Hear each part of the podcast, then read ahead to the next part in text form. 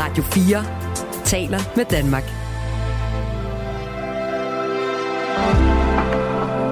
Velkommen til morgenrutinen.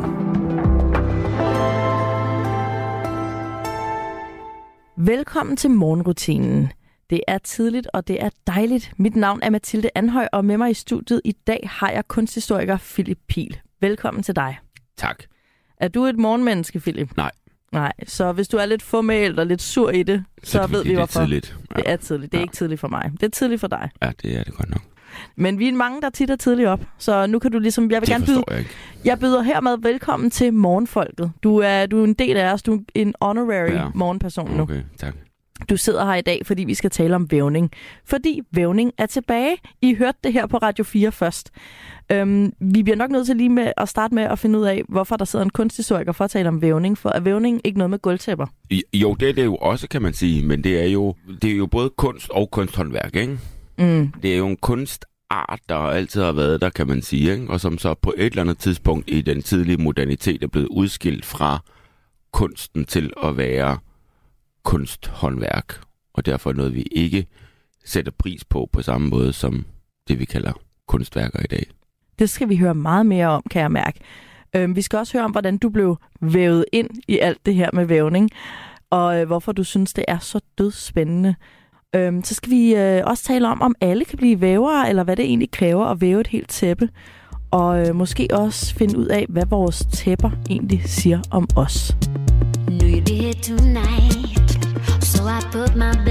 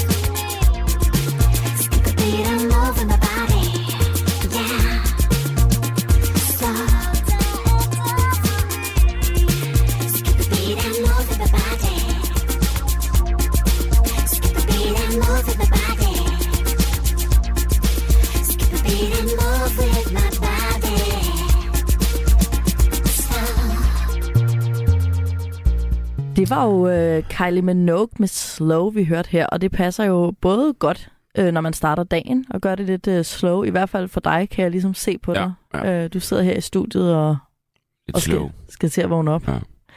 Øhm, men det er jo også øh, fint, når vi taler om vævning. Det er en langsomlig affære, er det ikke det, Philip? Det må man sige. Det tager jo enormt lang tid at væve sådan en tæppe. Ja. Heldigvis har jeg aldrig selv prøvet det. Og du sidder her jo i dag som kunsthistoriker, fordi du meget snart er aktuel med en bog om væveren Anna Thomasen, øh, som kommer senere i år. Hvordan i alverden begyndte du lige pludselig at interessere dig for vævning, Philip? Det var tilfældigt, kan man sige. Øh, jeg kom ligesom øh, på Anna Thomsens værk øh, af, tilfældigheder, så nogle billeder af hendes øh, tæpper i en bog, og tænkte, "Nå, det, var da, det så da spændende ud. Og Altså flot spændende, eller Flot sådan spændende. anderledes spændende? Øh, nej, flot spændende, vil jeg sige. Øh, og når jeg så øh, dykkede lidt dybere ned i det, og så, at hun har lavet det samme mere eller mindre hele sit liv, så synes jeg, det var fascinerende. Øh, altså man kan sige, at hendes tæpper kan beskrives som altid i et geometrisk, symmetrisk mønster i nogle øh, forholdsvis klare farver. Så det, du blev fascineret af, det var en person, der bare lavede det samme hele tiden. Og Ja. du tænkte, du, det er fedt. Ja, men også, ja, og også fordi man kan sige, hun har en meget distinkt stil, Anna Thomsen. Hun væver de her geometriske øh, mønstre hele tiden, fra hun begynder med at udstille og væve i, i 40'erne frem til, øh, til, til hendes sidste tæpper, der er fra 90'erne. Så det er 50 år, hvor hun jo mere eller mindre væver det sammen. Ikke? Mm. Jamen, øh, lad os komme øh, dybere ind i vævningens øh, kunst og, og Anna Thomasen også. For hun var øh, i hvert fald en ganske særlig dame. Øh, også en dame, som man ikke skulle gøre sig uvenner med, hvilket er noget, øh, som hendes majestæt dronningen også måtte erfare på et tidspunkt, men det vender vi tilbage til. They don't know I do it for the culture, goddamn. They say I should watch the shit I post, oh goddamn. Say I'm turning big girls into hoes, oh goddamn. They say I get groupies at my shows, oh goddamn. All the rumors are true, yeah. What you heard, that's true, yeah. I fuck him and you, yeah. If you believe I to cut some hoes loose, yeah. Indy ain't no loose lips. Now them hoes tryna sue me. Bitch, I don't give two shits. All the rumors are true, yeah. I've been in the bamboo, yeah. Focused on this music. My ex nigga, he blew it. Last year I thought I would lose it. Reading shit on the internet. My smoothie cleanser, my diet. No, I ain't fucked Drake yet. Spending all your time trying to break a woman down. Real shit is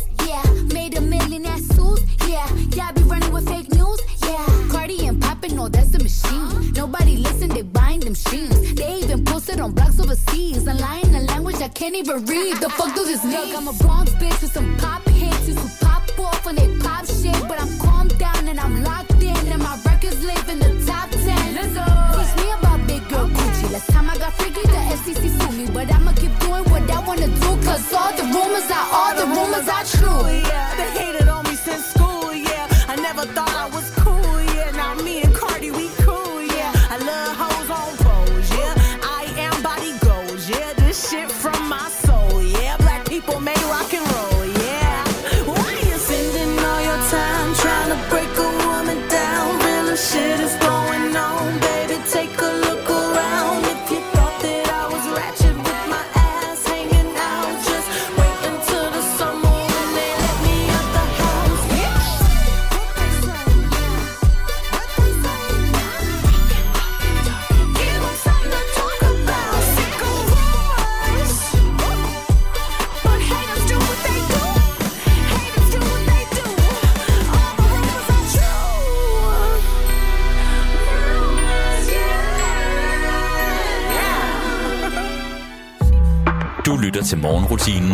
Radio 4. Vi taler i dag om vævning, øh, halvt håndværk, halvt kunst. Og øh, Philip, du, øh, du er kunsthistoriker og snart aktuel med en bog om væveren Anna Thomasen, som du jo er fascineret af, fordi hun har vævet det samme tæppe i 50 år. Var det rigtigt forstået? Ja, det kan man godt sige, ja. Hvorfor er tæpper mere spændende end malerier? Ja, men det ved jeg heller ikke, om de er, men altså det spændende med tæpper er jo deres... Øh, altså man kan sige, de er jo på mange måder noget, der er knyttet til arkitektur. Altså de er jo tæpper, øh, senere gobelænger, ikke? Øhm, så altså den er jo helt, den er forbundet med noget rummeligt, mm-hmm. som malerier ikke er. Men er der også forskellige perioder inden for vævning? Er der sådan, du ved, en guldalderperiode, hvor alle tæpperne havde storslået natur? Ja, der er jo i hvert fald i, i sådan en tidlig modernitet, altså... Øh, Hvad for nogle år er vi i her nu? Nå, men så er vi måske i 1600-tallet, ikke? Øh, med altså gobelænger, hvor det var en, en enorm stor produktion, øh, og en, hvor det var enormt kostbart, kan man sige, og, øh, og alle skulle have de her tæpper, øh, eller gobelænger, altså som man jo ikke har gået på, men du har haft dem på væggene, ikke? Fordi det var jo også en udsmykning, man tog med sig. Kan man ikke have en gobeling på gulvet? Nej, det ville så ville det ikke være en gobeling, så ville det være et gulvtæppe. Okay. Hvad kan du bedst lide? Vægtæpper eller gulvtæpper? Med anato- I forhold til anatomisen er det sjove jo, at de kan det hele. At det både kan være noget, du hænger på væggen, øh, men det kan også være et gulvtæppe. Jeg ser jo hendes værker som flade skulpturer, kan man sige. Ikke? Øhm, at de er enormt flotte, når de også er på gulvet. Det særlige for hendes stil er jo på mange måder, at hendes meget geometriske mønstre er enormt flade. Så det vil sige... Altså visuelt flade, eller... Visuelt flade. Der, ja. er, der er ingen dybde. Nej. Ingen skygger. Ingen sky. Der er ingen skygger. Øh, og det lyder dårligt, når man siger det, men det er faktisk enormt svært at lave et billede, hvor der ikke er en dybde i. Hvor der ikke opstår en visuel dybde. Hendes er totalt flade. Og det gør jo, at du kan have det på gulvet, og det fremhæver det arkitektoniske i et hvert rum, hvis du har et helt fladt tæppe. Flat tæppe. Er det fordi, man så ikke, at blikket ikke bliver tiltrukket og trukket ned i tæppet, men i stedet for... Det har ikke en illusion om at gengive et rum. Det er også et meget modernistisk projekt, Så kan hvis man sige. et tæppe har en illusion om at gengive et rum, og altså har noget, altså noget mere billedligt dybde i sig, så forsvinder man ned i tæppet, i stedet for at stå op i rummet, eller hvad? Nej, men det er i hvert fald, ja, ja, det, og det, det gør ikke, den har ikke den samme arkitektoniske virkning. Øh, der er sådan en generel fortælling om, at hvorfor blev, øh, hvorfor er tæpper ikke kommet med hen i vores kanon omkring kunst. Øh, og det vil mange sige, men det er fordi, at man ikke kan gøre noget livagtigt i tæpper. Altså at vævning er et medie, der ikke kan gengive virkeligheden på samme naturalistiske måde som maleri for eksempel. Og der må man sige, hvis man kigger på nogle af de tæpper, der er kreeret øh, sidst i 1500-tallet, i 1600-tallet, så er det enormt naturalistisk. De kan sagtens, man kan sagtens gengive rum. Kan du give et eksempel? Kender man nogle tæpper? Altså nogle af de mest kendte billedtæpper er de her unicorn tapestries, hvad hedder det? Øh, enhjørninge tæpper, der hænger nu i New York i The Metropolitan Museum, som er, når man kigger på dem, altså det, det er lige så livagtigt som at se et maleri fra den samme tid. Men det, men der, det, der sker op igennem 1500-tallet og 1600-tallet, er jo, at tæpper bliver udskilt fra sådan fine arts, så det bliver et håndværk. Øhm, Hvorfor det? Jamen, det er der jo nok mange årsager til, men en af dem er jo nok, at i hvert fald for overlevelsen af dem, at, at tæpper jo aldrig bliver sat sammen med et navn. Hvis du tænker på verdens mest kendte maleri, hvad skal vi sige, Mona Lisa, så vil de fleste sige Mona Lisa af Da Vinci. Leonardo da Vinci. Ja. Altså, værket og kunstneren er en person. Ja. Hvis man ser de her øh, unicorn tapestries, der er ikke nogen kunstner. Hvorfor er der ikke det? Det er et værksted. Ah. Det er en fælles bedrift at væve de her ting, så man har ikke en afsender på dem. Var det en fælles mandlig bedrift, eller en fælles kvindelig bedrift? Det har jo nok skiftet lidt over tid. Okay. Så det er ikke, fordi Øhm. det er bare kvindehad, der gør, at ingen taler om tæpper? Det er jo blevet til en feminin kunstart over tid. Men hønnen og ægget, det kan jo være, at man bare besluttede, at tæpper er kedelige. Det kan kvinder lave. Det kan også være, at kvinder lavede tæpper, og man så sagde, at det var kedeligt. Det lavede kvinder. Ja, det bliver i hvert fald over tid til en kvindelig syssel. Men er det ikke nødvendigvis i sådan en tidlig middelalder? Okay. Øhm, altså, der er jo også øh, de her lav og sådan noget, ikke? Øh, som på et eller andet tidspunkt, hvor man skubber kvinder ud. Og det er også en kunstart, altså man et væverlav? Ja. Ja. Som er sådan en Øhm. loge, hvor vævere... Altså en klub for, for vævere. Ja, og du må kun væve, hvis du er med i det lav, ikke? Altså, du må ikke, det, er jo, det er jo skruebrækkeri, hvis du væver uden at være med i lavet, ikke? Det er jo sådan en meget protektionistisk tankegang, de der lav. Okay, så på den ene side, så er det noget, der er blevet sådan skubbet ud til kvinderne, og på den anden side, så har der været en periode, hvor, hvor det kun var mænd, der måtte være vævere, og kvinder ikke måtte være med. Det, det er meget forvirrende, men øh, vi skal nok komme til bunds i sagen alligevel. Det er jeg sikker på. Men Anna Thomsen, hun var i hvert fald en kvindelig væver, og hun gjorde det godt. Og så er jeg især spændt på at høre om, hvordan øh, Anna Thomsen, hun øh, præsterede at blive uvenner med selveste hendes majestæt, dronning Margrethe. For det kan da ikke være en god idé. Cause baby, now we got bad blood. You know it used to be mad love. So take a look what you've done. Cause baby, now we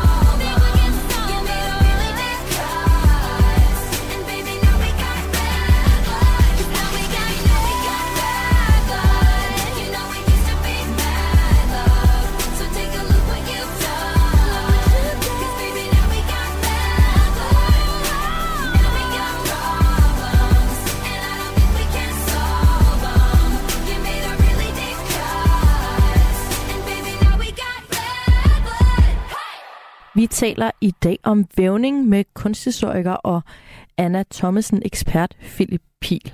Øhm, hvis vi lige tager lidt baggrundsinfo om Anna Thomsen. Øhm, hvem er hun? Hvornår er hun født? Anna Thomsen er født i 1908 og lever helt frem til 2004. Vokset op, født i København, vokset op i København. Øh, og men er forholdsvis, hun bliver først aktiv udstillende kunstner, først i 40'erne, i 43, tror jeg. Øhm, og malede og tegnede som ung, og ville nok gerne have en karriere som maler, tegner. Øh, men blev gift tidligt, fik et barn med at bryde op i Nordsjælland. Men så møder hun Erik Thomsen. Altså, efter hun får et barn. Efter hun er Mm, gift, ja. der møder hun så Erik Thomsen. Og øh, de forsvinder sammen. De stikker af uden barn. Ja. Hun forlader sit første barn, og øh, er så sammen resten af sit liv med Erik Thomsen. Og de gifter sig så, og hun får navnet Thomsen. De får så flere børn jo, ikke? Altså med hinanden. Og øh, han var jo skulptur, øh, lavet skulptur. Og der er nogle tidlige interviews, hvor hun henter lidt til, at tæpper var ikke nødvendigvis hendes første valg. Men hun tænkte, min mand laver skulpturer, der ikke kan sælges. Hvad med, jeg laver noget, der har en brugbarhed? Mm. Så lad mig lave nogle tæpper. Ja. Øh, og det er jo klassisk for tiden, kan man også sige. Ikke? Altså kvinden må ligesom øh, træde af kunstens smalle sti øh, og lave noget, der også kan bringe øh, brød på bordet. Ikke? I hvert fald, hvis man finder sig en øh, kunstnertype mand. Ja, og han Lad var det- meget kunstnertyp, kan Lad man det sige. være jer en advarsel derude. Hvis du vil lave en egen kunst, så lad være at finde en mand, der også gør det i hvert fald. Ja. Nå, men så hun kommer i gang med at væve op igennem 40'erne, øh, og begynder at, at udsætte sin kunst. Og må man, så, må man jo så gå ud fra, hun, det har hun så fundet sit kald ved. Fordi hun bliver ved. Hun laver de her geometriske tæpper fra 40'erne frem til hun dør.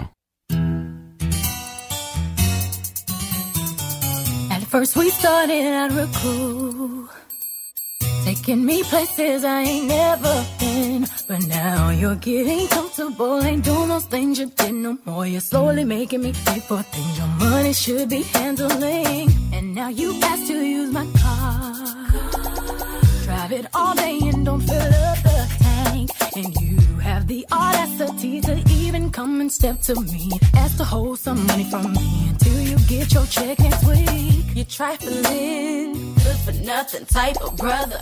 Silly me, why haven't I found another? A baller. When times get hard, need someone to help me out. Instead of a scrub like you who don't know what a man's about. Pay my bills,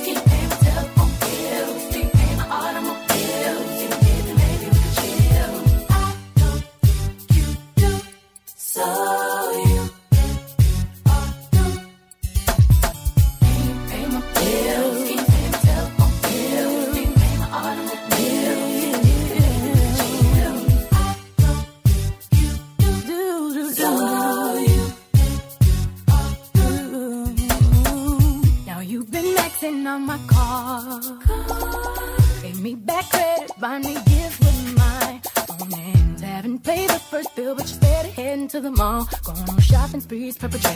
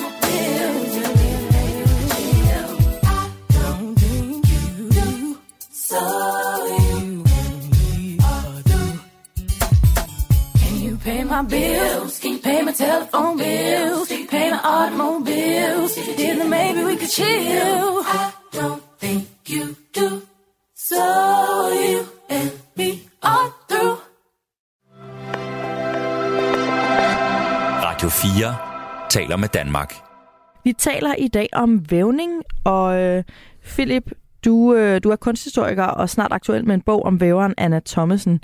Og Philip, øh, hvordan ser de overhovedet ud, så de her tæpper? Du har talt lidt om, om nogle geometriske former. Kan du sige noget mere om, hvordan de her tæpper ser ud?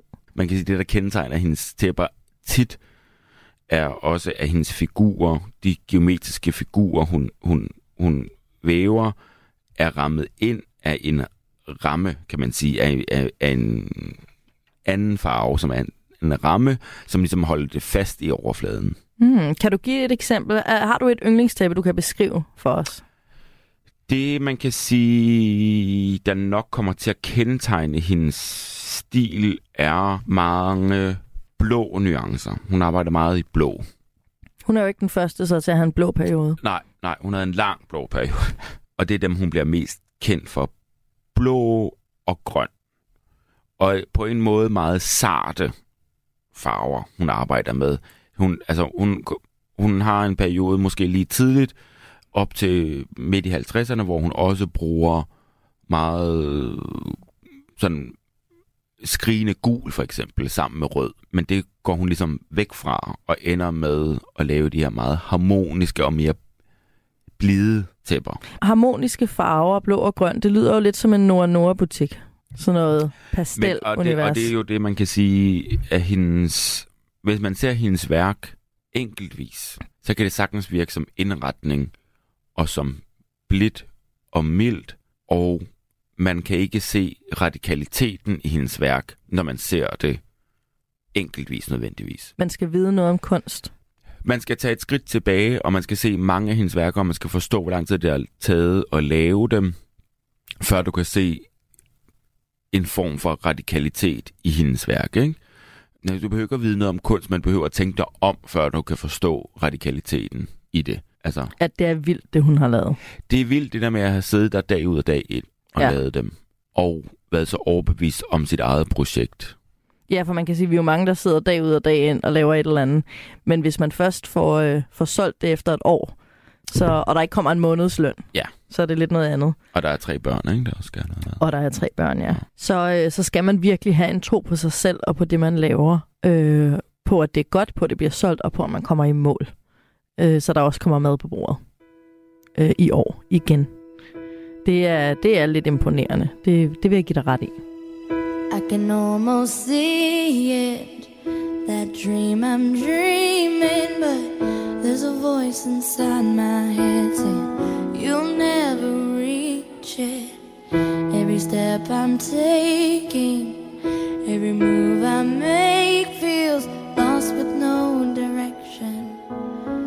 My faith is shaken, but I, I gotta keep trying. Gotta keep my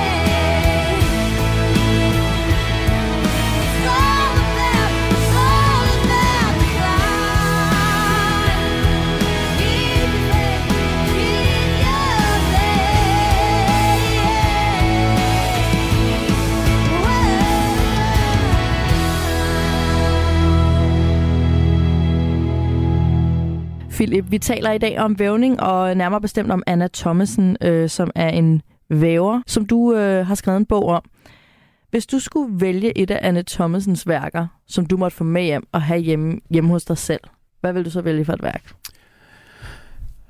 Jamen, det ved jeg snart ikke. Altså, Har du virkelig ikke tænkt over det? Har du siddet og forsket alt den tid og ikke tænkt, åh, jamen, det, Det kommer man jo, flot. det kommer man ud over, når man er så dybt inde i det, vil jeg sige. så er det godt, jeg spurgte dig. Ja. Øhm, Vil du tage et af dem med de blide blå nuancer, eller vil du tage ja, et det vil nok rødt? være et, et, et, et, noget med noget blåt. Ja, dem vil jeg, dem vil jeg tage. De er flotte. De er enormt flotte. Men jeg tror ikke, jeg vil... Jeg har både lyst til at sige, at man ikke skal have det på væggen, at man skal bruge det som tæppe. Altså gulvtæppe. Eller slummertæppe. Ikke, ikke som slummertæppe, Det det, det, det tror for jeg ikke, det, det, tror jeg, det, det tror jeg ikke, det er ret for. Nej, okay. Hvis jeg, hvis, jeg skulle, hvis jeg boede et sted, hvor man kunne have det, så ville jeg have det på et meget lavt podie på gulvet. Et lavt podie på gulvet. Så det bliver en flad skulptur, kan man sige. Ikke? Mm. Så ikke sådan under sofabordet? Nej, nej, Nej, nej. det vil være blasfemi. Altså, sådan er jo mange hendes tæpper blevet brugt, og jeg har jo besøgt mange samlere, som har hendes tæpper som, som gulvtæpper, øh, okay. og hvor sofa står, sofabordet og sofaen står på det. Ikke? Øh, men hvis jeg selv skulle, så ville jeg, og havde plads til det, så ville jeg have, at det lå på gulvet, men frit for møbler. Frit Altså, for møbler. ja. Men heller ikke som en Som- løber som- i entréen. Nej, nej, Nej. nej, så man ikke gik på, så man ikke gik på det. Ja. men som en, en, som sagt som en flad skulptur. Ja. Og lad os så sige, at der kom en børnefamilie på besøg. Hvad var reglerne så? Øh, ja, måske skulle der ikke komme en børnefamilie på besøg. Hvor, hvorfor skulle du dog Hvorfor? invitere en børnefamilie på Ja, besøg ja, til dit ja, Anna ja. Thomasen-tæppe? Fordi det er noget med, at man sidder på en ubehagelig stol, kigger på det som en flad skulptur, Ja, får noget vin og Ja. noget dyr ost, rigtig dyr ost. ja, ja, Ja. og siger ikke noget. Nej, Så bare skal nyder. man gå hjem og tænke over det. Ja, Ja. ja. Det, er en, øh, det er en festlig aften. Ja. Der er heller ingen, der siger, at vi alle sammen skal være ens. Så øh, det, det, øh, det er din stil, og den, øh, den står du ved. Man kan måske erhverve sig de her tæpper, det ved jeg ikke, øh, om, der er, om de er til salg nogle steder De kommer nogle gange til salg på auktion. på auktion. Så det er Ja. med at sidde inde på Laurits-appen og holde øje med Anna Thomasen-tæpper. Ja, hvis det er blau, så er det nok en fake, men altså prøv Bruno Rasmussen, det er måske en bedre idé. Okay. Tak for anbefalingen. Mm. Øhm, vi taler jo i dag om øh, vævning, øhm, nærmere bestemt øh, den kendte væver Anna Thomasen. Og øh, med mig i studiet har jeg dig, Philip Pil, kunsthistoriker og Anna Thomasen ekspert. Og nu skal vi til noget, som jeg synes er super spændende, øh, nemlig Anna Thomasens storkonflikt med dronningen, altså Margrethe den anden af Danmark. Er, Ja. det, er det rigtigt, eller er det en røverhistorie, at dronningen ikke kan lide Anna Thomasens tæpper? De havde i hvert fald en disput, kan man sige. Ja. Øh, Anne Thomsen, hendes en af øh, flere store udsmykningsopgaver, Anna Thomsen fik øh, i sit livstid, var øh, aldret i Roskilde. Og den er der endnu Domkirken? i Domkirken i Roskilde, ja. Øhm, så hun har kreeret altertæppet, altså det tæppe, der ligger i en halvcirkel foran alderet. Mhm. Hun har også, det er også hendes tekstil, der beklæder de hønder rundt om alderet, hvor man går til nadver. Altså de hønder, man Sidder på knæ på. sidder på knæ på, ja.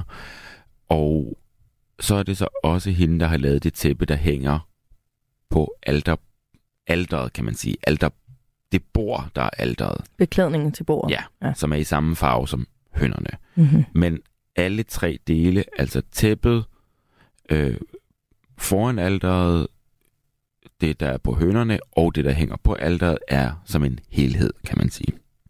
Det er et værk. Ja, det er et værk, og det er, som hun er, som folk, de fleste vil kende hende, altså grønt, blåt og hvidt. De her dusfarver.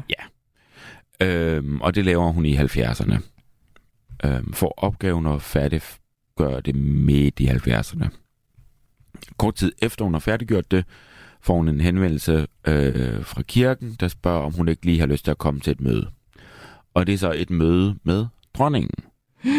Hendes majestæt dronning. Ja, fordi at dronningen og den salige nu, øh, dronning Ingrid, havde altså også lavet et antipendium, kalder man det.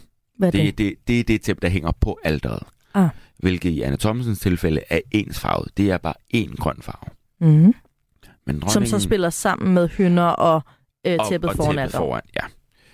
Øhm, og det var det, Anna Thomsen var blevet bedt om at lave en helhed til alderet i et moderne udtryk. Ikke? Og det er jo det, hun har gjort. Øh, men dronningen har altså sammen med dronning Ingrid også været flittig med hænderne og lavet et tæppe, der kan hænge på alderet. Broderet med nogle kristne motiver. Og det vil dronningen gerne have op. Roskilde vil enormt gerne også have det, fordi det er jo Hendes majestæt dronningen. hendes majestæt dronningen, og det er øh, i Roskilde, de er sammen begravet. Ikke? Man kan sige, at dronningens er bare meget, meget langt fra Anna Thomsen i stil. Det er skrigende rødt, og så er der små figurer på. Ikke? Så Anna Thomsen står på sin ret og siger, mit værk, mit samlede værk, som består af de tre ting, altså tæppet foran, tæppet på alderet og hønderne, bliver forvasket, hvis man bruger et andet altertæppe. Mit værk går i stykker, hvis man putter dronningens tæppe på alteret sammen med mit. Lidt ligesom hvis man fik lov til at tegne en lysrød sløjfe på Mona Lisas hoved. Ja, eller lidt ligesom man kan sige, mm, hvis du har et Asger Jornværk, så kan du ikke klippe det op i fire og sige, at du har fire Asger Jornværker. Og lige med ham gik det måske, men altså, men de fleste værker vil det, altså helheden, der er en mening med helheden, ikke? Ja, du kan ikke pille fem afsnit ud af Matador, og så Og lægge noget sige rejseholdet det, og ind imellem. og så sige, det er Matador stadigvæk Nej. i hvert fald. Så er det noget andet. Mm-hmm. Så det er en Øh, collage. Ja. Øhm, Anna Thomsen vil ikke have det. Hvad hun siger dronningen ikke så? have det. Hun er jo dronning. Ja, men... Øh, Jeg havde altså ikke sagt nej til dronningen. Det kan jeg godt nej, sige dig. men der er Anna Thomsen står på sin ret og siger, det kan der ikke blive noget af. Hun var også kommunist. Åh, så Socialist derfor. i hvert fald. Ikke? Så hun har Typisk. ikke... Jeg tror for Anna Thomsen har det helt klart været en rød, en rød klud. Bogstaveligt talt. Øh, At dronningen kom med en rød klud. I ansigtet, at det er en magtperson, der Mm. ligesom øh, hævder sin Ja. medfødte ret. Så hvis der var kommet et børnehjem og havde sagt, at vi har altså vævet på det her tæppe i, i 10 år øh, med de her forældreløse børn, må det komme med. Der havde hun jo heller ikke elsket det, men det havde måske ikke været lige så inspirerende havde hun for nok hende. også sagt nej, men, Ja. men det havde været af andre grunde. Hun har måske haft dårlig samvittighed over at sige nej. Det havde hun ikke her. Nej, det havde hun bestemt ikke, tror jeg. Nej. Hvad, hvad, hvad, endte det så med?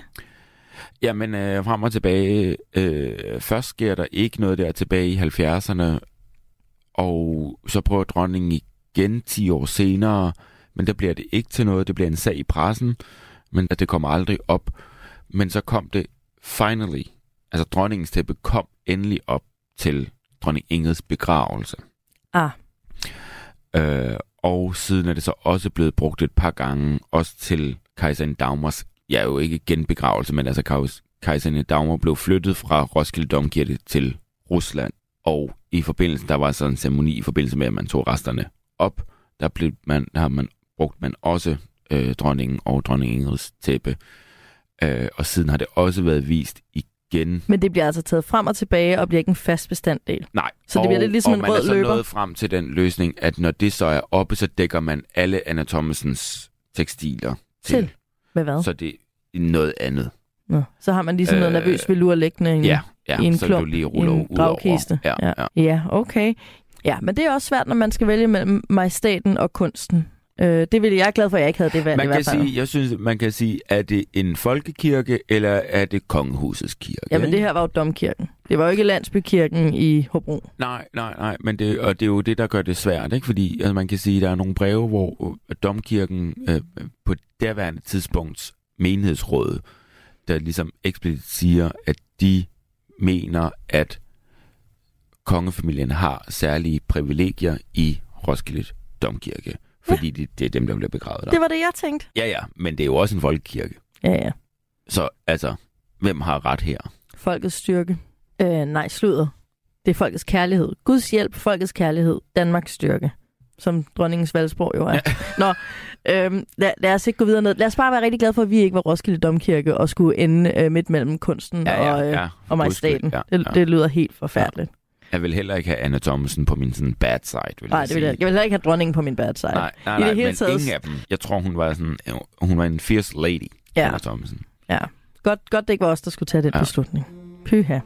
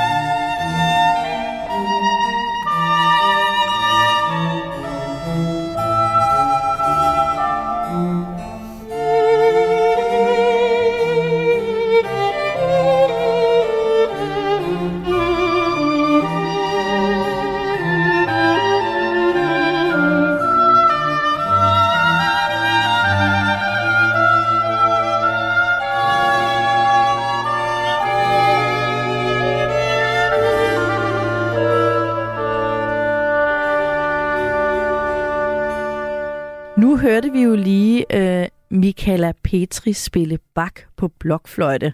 Der stod faktisk øh, bak for breakfast øh, på nummeret, da jeg fandt det frem. Perfekt. Det passer jo rigtig godt, nu vi sidder her tidligere om morgenen. Øhm, og grunden til, at vi lige pludselig hører noget blokfløjte, det, øh, det var jo dit forslag, Philip. Ja, altså Anna Thomsen spillede selv på blokfløjte og var også glad for øh, barokmusik, som Bach er jo barok. Øhm, og det kan man jo på en måde godt relatere til hendes tæpper.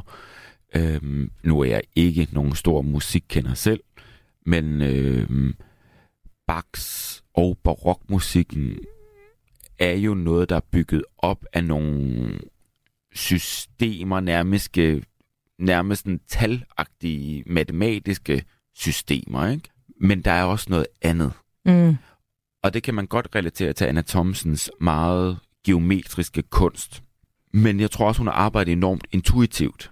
Samtidig, Samtidig med, med- at systemerne har været der. Ja, altså hun bruger jo kun geometriske former. Men det er heller ikke, men det er stadigvæk er det ikke skemalagt. Og så vidt jeg forstår, vil man kunne sige det samme om Bachs musik for eksempel. Og øhm, nu vi taler om, hvad skal man sige, mere marginaliserede kunstarter, som vævning vel godt kan kaldes. Ja. Øhm, så er det jo også sjovt, at hun, øh, hun godt kunne lide blokfløjte, fordi det er da heller ikke en af de store øh, tænder på øh, kunstscenen. Nej, men det kan man, man kan jo sige, det er jo noget, alle kan få fat i. Det kan det er man svært sige. at have plads til, eller få råd til et flyl, eller en øh, violin fra 1700-tallet. Meget du, kan- Men folkeligt. du kan sgu få en blokfløjte, du. Det kan du, og det er vel også derfor, at, øh, at det lille land, øh, som vi bor i, arrangerede de her frygtelige blokfløjtestævner, hvor man fandt på at udstyre 300 børn med en blokfløjte hver og sidde og puste i. Det synes jeg øh, jo ikke er, en af de bedste idéer, man, øh, man har søsat sig i øh, den danske folkeskole. Men nok om det. Vi taler i dag om vævningens kunst og væveren Anna Thomasen. Øhm, og med mig i studiet har jeg kunsthistoriker og snart bogaktuel øhm, Philip Pil, som har skrevet en bog om Anna Thomasen. Og øh, du ved meget om det, Philip. Øh, for os, der ikke ved noget om vævning, vil vi få noget ud af at se på sådan et Anna Thomasen-tæppe? Det er paradoxalt, at for mange vil det nok være svært at kigge på. Det er så enkelt, at man har svært ved at sige noget om det, og derfor synes man ikke, man har forstået det. Ligesom minimalisme. Altså, der står en, en, øh, en firkant på gulvet, øh, og hvad fanden skal man sige om det? Altså, mm. der er ikke nogen historie at fortælle. Det samme i Anna Thomasens tæpper. Der er ikke nogen historie at fortælle.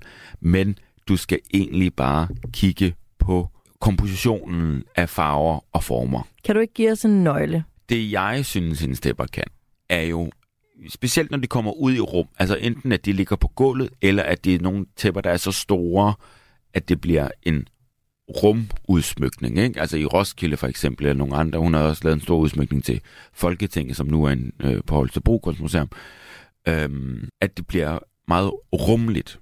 Langt fra virker det som en flade, tæt på oplever du, altså helt tæt på kan du se tråden, altså teksturen af det, og der fatter du, hvor lang tid det har taget at lave det, øh, og langt fra forstår du det som en geometrisk øh, installation. Øhm, hvor kan vi se de her tæpper henne? Øh, det bedste sted at til, det er Holstebro Kunstmuseum. De har mange Holstebro af, hende, Kunstmuseum. Ja, de Ja. har mange af hendes værker. Og, Og og Roskilde. Domkirke på en god dag. Og Roskilde Domkirke, ja. Hvis der ikke er noget kongeligt tamtam, så kan man også tage ned og se en stor det der? der. Ja. ja. Enormt flot i rummet og over for alderet. Betagende og moderne i et, i et middelalderrum. Ja. Ja. Tænker du, at vi alle sammen skal til at have flere vægtæpper i stedet for malerier, nu hvor du har begravet dig i Anna Thomasen? Eller synes du, det er for de få? Nej, altså jeg synes... Øhm, altså alle skal have et, skønt at have et vægtæppe. Øh, virkelig flot at have noget, som er tekstil på væggen. Men øhm, Hvad tænker du om en person, når du kommer ind i et hjem, og der så for eksempel i stedet for at have noget tryk på væggene, hvor der står live life eller YOLO, hvis du så ser, der hænger et vægtæppe, hvad Kaffe tænker du så om latte. den person? Ja, kaffe latte. øh, så tænker jeg, spændende. Det er noget, man, man, man får lige... Tænker du sådan, uh, intellektuelt, eller tænker Ja, du sådan, tænker jeg, uh, jeg originalt? Jeg tænker, er det russisk, eller er det intellektuelt, eller begge dele? Eller altså, begge det dele. er jo meget øst at have de der, at have vægtæpper i dag, ikke? Ja, det er rigtigt Mhm. nok. Det gør sikkert også noget godt for akustikken. Helt sikkert. Ja, ja, I hvert fald i de store Ja. ja. betonbyggerier Ja. ja. rundt omkring. Der kunne har aldrig godt... brugt så stort, at det var et problem. Men, Nej. øh, Men dem, der har, hvis I har et Ja, stort hjem, ja. få nogle få nogle vægtæpper. vægtæpper ja. Ja, og det er måske også en god ting at støtte øh, den her kunst, som, som er blevet udskammet lidt som en, øh, en brugskunst. Jeg vil sige, det bedste, man kunne gøre, det er have det på væggen, og så, og så have det på gulvet, og så op på væggen igen, og så ned på gulvet igen. Altså, det, det, det kan, er, at det kan begge dele. Hmm, så det vil være en skam at, øh, at fratage et flot vævet tæppe sin gulvrolle eller vægrolle. Ja, eller i hvert fald, du skal være bevidst. Du, kan, du skal tænke, at det kan begge dele. Det kan simpelthen begge dele. Det er det, det kan. Det er det, der er så særligt ved de tæpper. Tusind tak til dig, øh, Philip Pil, kunsthistoriker. Tak fordi du stod tidligt op med os andre i dag. Vi glæder os til at læse din bog om Tak. emnet. Tusind tak, fordi du kom og udbredte dig om vævningens kunst, som er tilbage. Tak. Som sagt, I hørte det her på Radio 4 først. Vævning er tilbage. Og tusind tak til alle jer, der lyttede med. Vi håber, I har fået en god start på dagen sammen med alle os andre morgenmennesker. Og du kan høre meget mere om morgenrutinen, for vi sender alle hverdage klokken 5 her på Radio 4.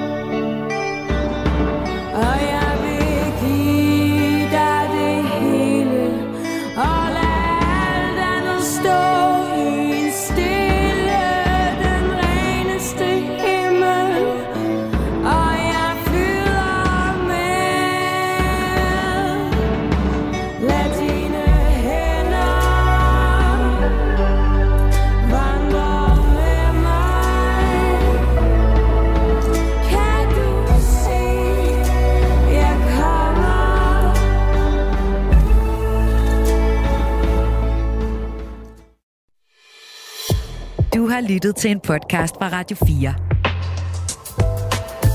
Find flere episoder i vores app, eller der, hvor du lytter til podcast.